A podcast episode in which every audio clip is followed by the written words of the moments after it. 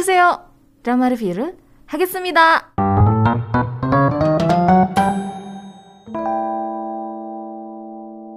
Oke, ada yang udah beres belum nonton drama The Uncanny Counter? Bagaimana menurut kalian dramanya? Iya ini salah satu drama sebenarnya kalau untuk season yang pertama itu salah satu drama favorit aku karena ceritanya seru banget. Untuk season yang kedua aku ngerasa kayak terlalu bertele-tele, terlalu muter-muter di situ dan gemes aja gitu sama si penjahat-penjahatnya ini gitu. Oke, drama The Uncanny Counter pertama kali itu dirilis di tahun 2020 di OCN. Ya, reason kenapa aku nonton drama The Uncanny Counter pertama itu gara-gara OCN. Drama yang dirilis di OCN itu kalau tentang thriller, crime, itu udah pasti seru, nggak perlu diragukan lagi. Nah, sementara untuk season yang kedua itu dirilisnya di TVN, jadi pindah. Tapi dua-duanya bisa kamu tonton di Netflix ya. Season yang pertama itu disutradari oleh Yoo Sun Dong barengan sama Park Bong Suk. Sementara untuk season yang kedua itu cuma disutradarai oleh Yu Sun Dong aja. Nah untuk penulisnya di season yang pertama itu ditulis oleh Jang Yi, penulis dari webkomiknya karena kan ini tuh diadaptasi dari webkomik ya. Terus kemarin pas uh, lagi nonton season yang kedua, karena aku penasaran ini endingnya bakal gimana sih memang gitu. Akhirnya aku coba cari-cari, uh, cari-cari di medsos sih untuk bocoran dari webtoonnya gitu. nah untuk season yang pertama itu Jang Yi dibantu sama Yojina untuk episode 1 sampai 12. Kemudian dibantu oleh Yu Sun Dong untuk episode yang ke-13 dan Kim Se Bom di episode yang ke-14 sampai 16. Jadi season yang pertama ini memang melibatkan tiga orang penulis secara bergantian karena terjadi perselisihan, tapi bisa diselesaikan secara profesional tanpa ada keributan sama sekali. Makanya kenapa akhirnya bisa ada tiga penulis di dalam dramanya. Agak sedikit jarang sebenarnya. Paling-paling kalau satu drama yang melibatkan banyak penulis itu kalau dramanya misalnya terdiri dari beberapa cerita, uh, satu penulis satu cerita gitu. Nggak pernah yang sampai kejadian kayak gini. Ada tiga penulis yang secara bergantian. Nah, uh, Yojina itu memutuskan untuk mundur demi kepentingan penayangan drama gitu reasonnya. Tapi walaupun ada perselisihan ya bisa diselesaikan dengan profesional. Sementara untuk season yang kedua itu cuma ditulis oleh penulis webkomiknya aja which is ya Jang Yi gitu. Untuk season yang pertama totalnya tuh 16 episode, sementara season yang kedua cuma 12 episode aja, lebih sedikit ya. Secara garis besar drama ini tuh nyeritain tentang sekelompok grup gitu, pemburu roh jahat namanya Counter, yang terdiri dari lima orang. Para counter ini dipilih secara khusus dan biasanya orang yang dipilih itu adalah orang yang nyawanya terancam atau nyaris meninggal dan biasanya dalam keadaan koma. Udah beberapa lama lah. Ada yang mingguan, ada yang bulanan. Um, counter yang baru kayaknya masih harian deh. Cuma rata-rata uh, ya mingguan atau bulanan gitu. Jadi bisa dibilang ini tuh kayak kesempatan kedua mereka. Tapi ya mereka bisa hidup kembali dalam keadaan sehat, cuman mereka tuh harus menjalani tugas untuk menangkap roh jahat ya jadi mereka harus berhadapan dengan roh-roh jahat dengan tingkatan dan kekuatan uh, dari si roh jahat ini gitu. Nah um, kalau memilih untuk menjadi counter mereka itu bakal kehilangan ingatan masa lalu sebelum mereka jadi counter. Jadi mereka biasanya nggak bakalan inget dulu tuh apa sih yang bikin mereka kecelakaan misalnya bikin mereka terbaring koma itu apa mereka nggak akan inget. Jadi para counter ini nggak tahu latar belakang kehidupan masing-masing Oke, kita bahas dulu yuk uh, counter-counternya ada siapa aja. Yang pertama itu ada Choi Jang Mul yang diperankan oleh An Suk Hwan. Dia itu adalah counter pertama di Korea. Diceritain kalau Choi Jang Mul sebenarnya udah pensiun dan udah nggak aktif lagi melawan roh jahat di lapangan. Dan kalau dilihat kayaknya dia lemah banget gitu. Kalau aku ngelihat udah gitu dari segi usia juga udah senior kan.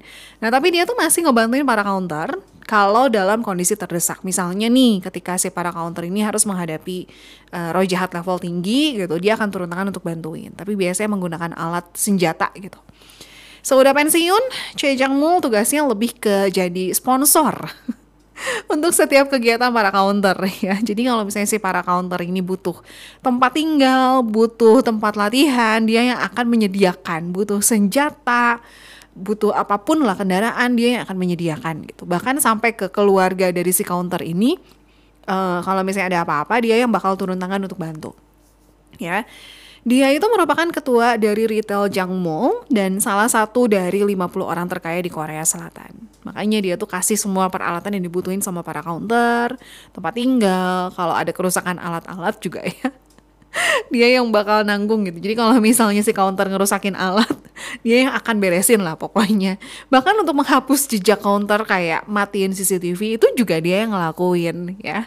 Jadi uh, kan para counter ini nggak boleh terdeteksi sama orang-orang karena nanti pasti jadi rame gitu kan. Nih kok bisa punya kekuatan hebat gini gimana caranya? Akhirnya karena di Korea CCTV-nya tuh banyak banget, ya dia yang menghapus jejak para counter gitu. Ya itu yang pertama, Choi Jang Mall.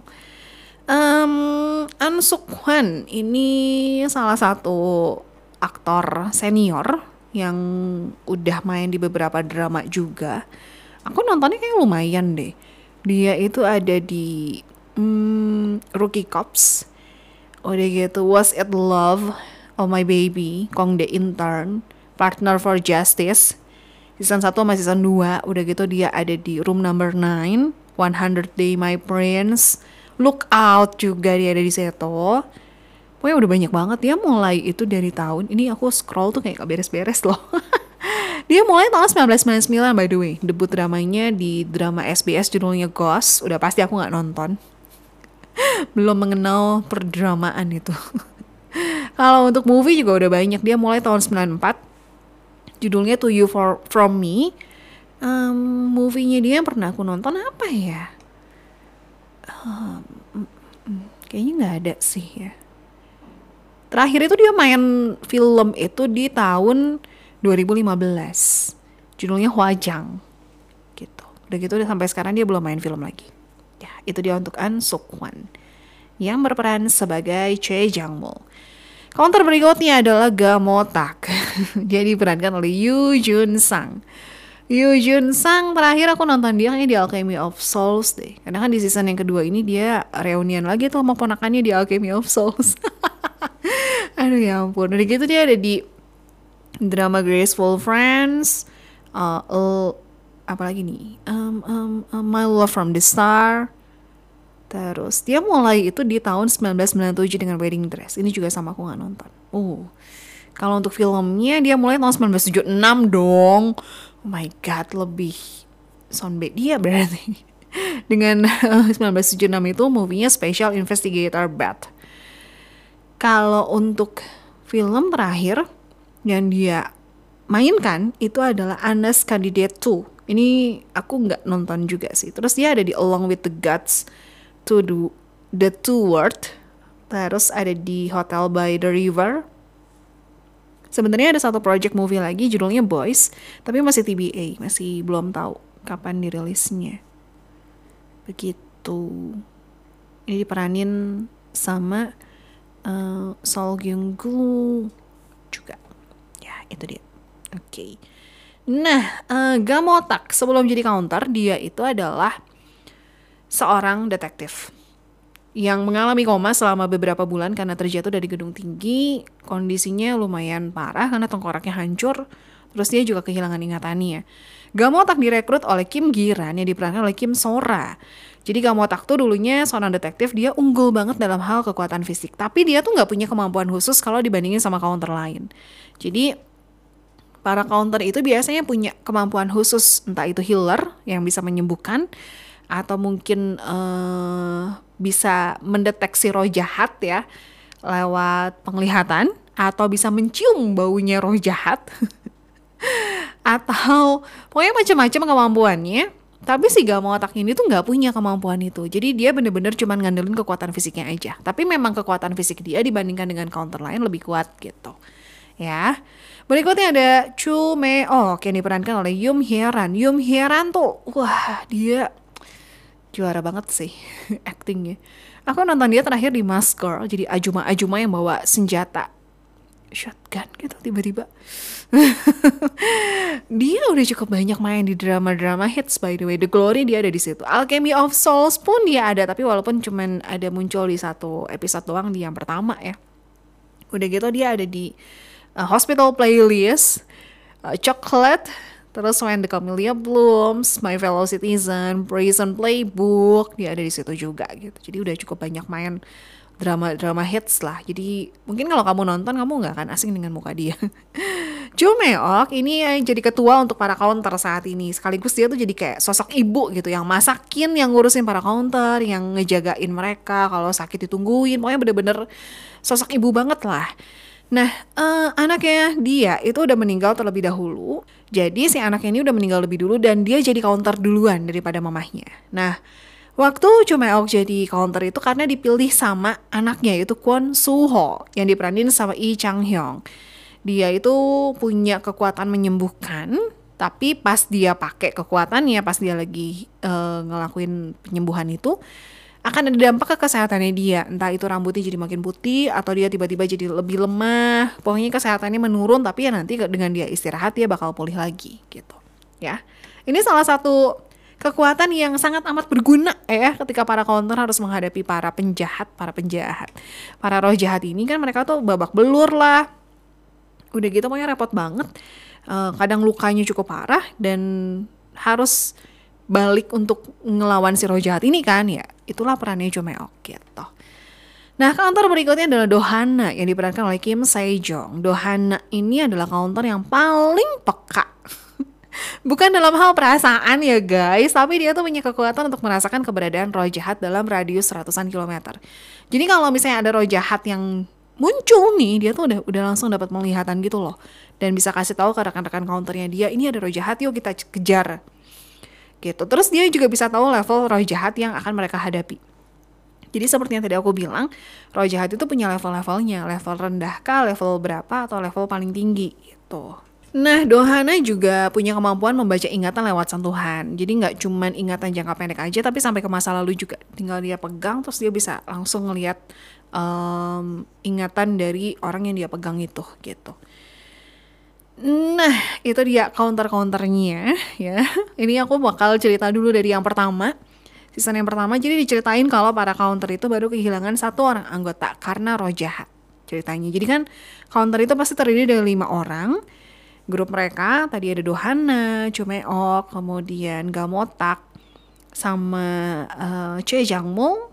Terus ada satu orang lagi, ternyata satu orangnya lagi itu tewas gara-gara roh jahat. Maka dari itu di alam baka sana si counter-counter yang ada di sana gitu si roh-rohnya yang ada di sana which is uh, diketuai oleh Wigen yang diperankan oleh Munsuk. Dia adalah sosok yang berwenang di kantor transit roh yang bertugas untuk memilih para counter sekaligus bisa dibilang jadi pemimpin di alam baka. Nah singkat cerita, Wigen ini tanpa sengaja memilih seorang siswa untuk mewakili dia di bumi. Ya, random banget. Namanya Solmon yang diperankan oleh Jo Byung Gil. Cara Salmon menjadi counter ini cukup berbeda dibandingkan dengan rekan-rekan yang lainnya. Jadi Salmon itu terpilih dalam keadaan sadar dan dia nggak kehilangan ingatan tentang masa lalunya. Jadi dia tahu banget dari awal dia lahir dan dia bagaimana menjadi counter. Dia dia masih ingat itu semua. Sedangkan rekan-rekan yang lain kan lupa ingatan kan, kehilangan gitu. Um, kalau para counter yang lain tuh begitu terpilih jadi counter, mereka semua nyamar. ini yang lucu. Mereka semua tuh nyamar jadi penjual mie di sebuah kedai. Dan kedai ini tuh terkenal banget karena mie-nya enak. Makanya selalu penuh dan si counter-counter ini tuh selalu sibuk untuk jadi uh, pelayan ataupun pembuat mie di kedai itu gitu. Karena memang seenak itu. Sementara Somun dia tetap menjalani kesehariannya kayak dulu gitu sebagai seorang siswa menengah. Jadi dia tetap sekolah balik ya ke kedai itu bareng sama rekan-rekannya gitu loh ini sih yang lucu aku uh, paling ngakak kayaknya ketika ngelihat si counter-counter ini tuh lagi uh, jualan mie gitu kayak aduh ya ampun. Sampai mereka tuh aku lupa kayaknya ada sempat ngomong aduh ini kok pelanggannya banyak banget ya. Terus bisa tiba-tiba tutup gara-gara ada roh jahat gitu. Nah sebelum jadi counter Somun itu memiliki keterbatasan. Jadi dia tuh dulu waktu kecil mengalami kecelakaan yang menyebabkan kedua orang tuanya meninggal dunia. Sementara Somun selamat tapi dia nggak bisa berjalan normal setelah kecelakaan itu. Jadi kaki kirinya tuh terluka dan dia harus menggunakan tongkat. Terus sudah itu dia tinggal sama kakek sama neneknya. Neneknya pun uh, udah mulai pikun. Jadi dia juga harus jagain neneknya, kakeknya juga terbatas kan gitu karena dari segi usia juga kan pasti stamina dan kekuatannya pun menurun gitu. Jadi Somun lah yang ngejagain mereka berdua. Karena kondisi fisiknya, Somun itu sering banget dibully sama em, siswa-siswa lain lah. Makanya waktu dapat tawaran jadi counter, Somun tuh galau sebenarnya. Tapi kalau dia jadi counter, dia bisa berjalan dengan normal tanpa tongkat, dia bisa lari gitu. Tapi kalau jadi counter, dia harus ninggalin kakek neneknya. Ninggalin dalam artian bukan benar-benar berpisah banget. Tapi ya dia nggak bisa tinggal bareng sama kakek neneknya lagi gitu. Karena kan dia harus tinggal bareng-bareng sama si counter-counter yang lain. Gitu. Nah singkat cerita, Songmun akhirnya menerima tawaran untuk jadi counter. Nah, itulah awal mula kenapa Somun bisa jadi counter. Karakter jahat di season yang pertama itu diperankan oleh Lee Hong Ne. Nama karakternya adalah Ji Chong Sin. Dia itu seorang anak yatim piatu yang tinggal di panti asuhan. Dia menjalani kehidupan yang keras banget.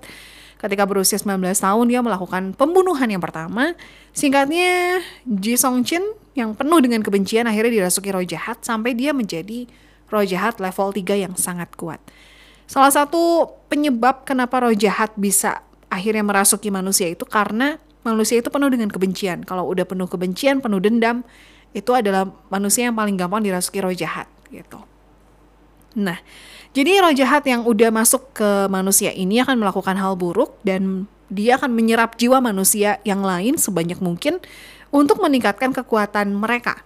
Sampai naik level lah istilahnya dari level 1 ke level 2, level 3 sampai paling hebat gitu. Dan biasanya yang mereka serap itu jiwa-jiwa manusia yang penuh dengan kebencian, penuh dendam dan pengen melakukan kejahatan gitu.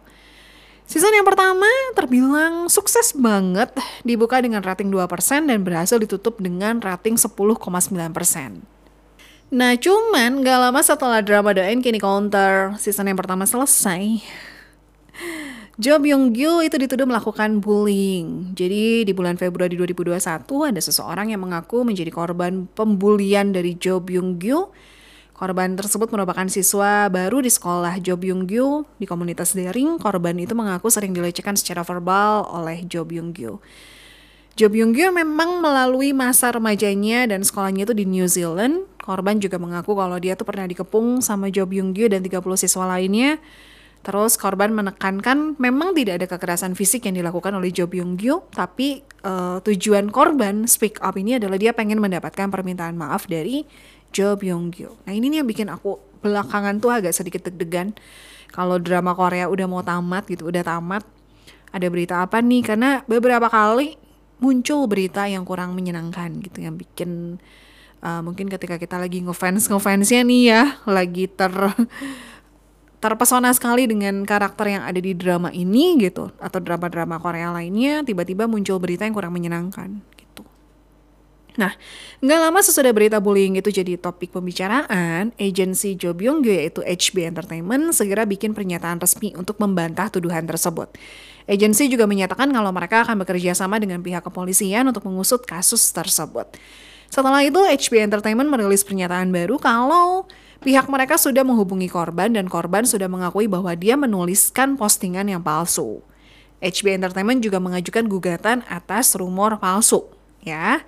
Nah kemudian sesudah itu muncul korban baru yang mengaku pernah dibully sama Jo Byung Gyu. Korban baru ini mengaku sebagai orang Korea yang besar di New Zealand, bahkan dia sempat menghubungi reporter untuk mengungkapkan kisahnya tapi ditolak katanya. Korban yang baru ini mengaku kalau dia tuh pernah dipaksa menyanyi saat di karaoke Terus dipukul juga sama Jo Byung Gyo menggunakan mikrofon. Uh, bahkan dalam postingannya, korban baru ini juga mengunggah foto Jo Byung Gyo yang pernah bergabung dengan tim sepak bola di SMA Westlake Boys yang ada di New Zealand. Beberapa hari kemudian, Jo Byung Gyo akhirnya buka suara lewat akun Instagramnya. Dia membantah semua tuduhan tersebut. Dia juga bilang kalau dia sudah mengalami masa-masa sulit ketika berita terkait bullying ini muncul. Apalagi kan dramanya baru beres. Dan ini tuh kayak salah satu drama yang disukai banyak orang gitu dan bikin nama dia pasti melambung tinggi. Eh tahu-tahu muncul berita ini kan.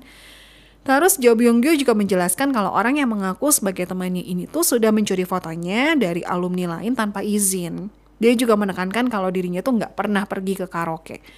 Jo Byung Gyo juga bilang, Aku bukan orang yang menjalani hidup tanpa menyakiti orang lain. Aku juga bukan orang suci bagi semua orang yang aku temui. Aku pun pernah dirundung karena aku kecil, aku korban perundungan. Jadi mulai sekarang aku korban juga kan gitu.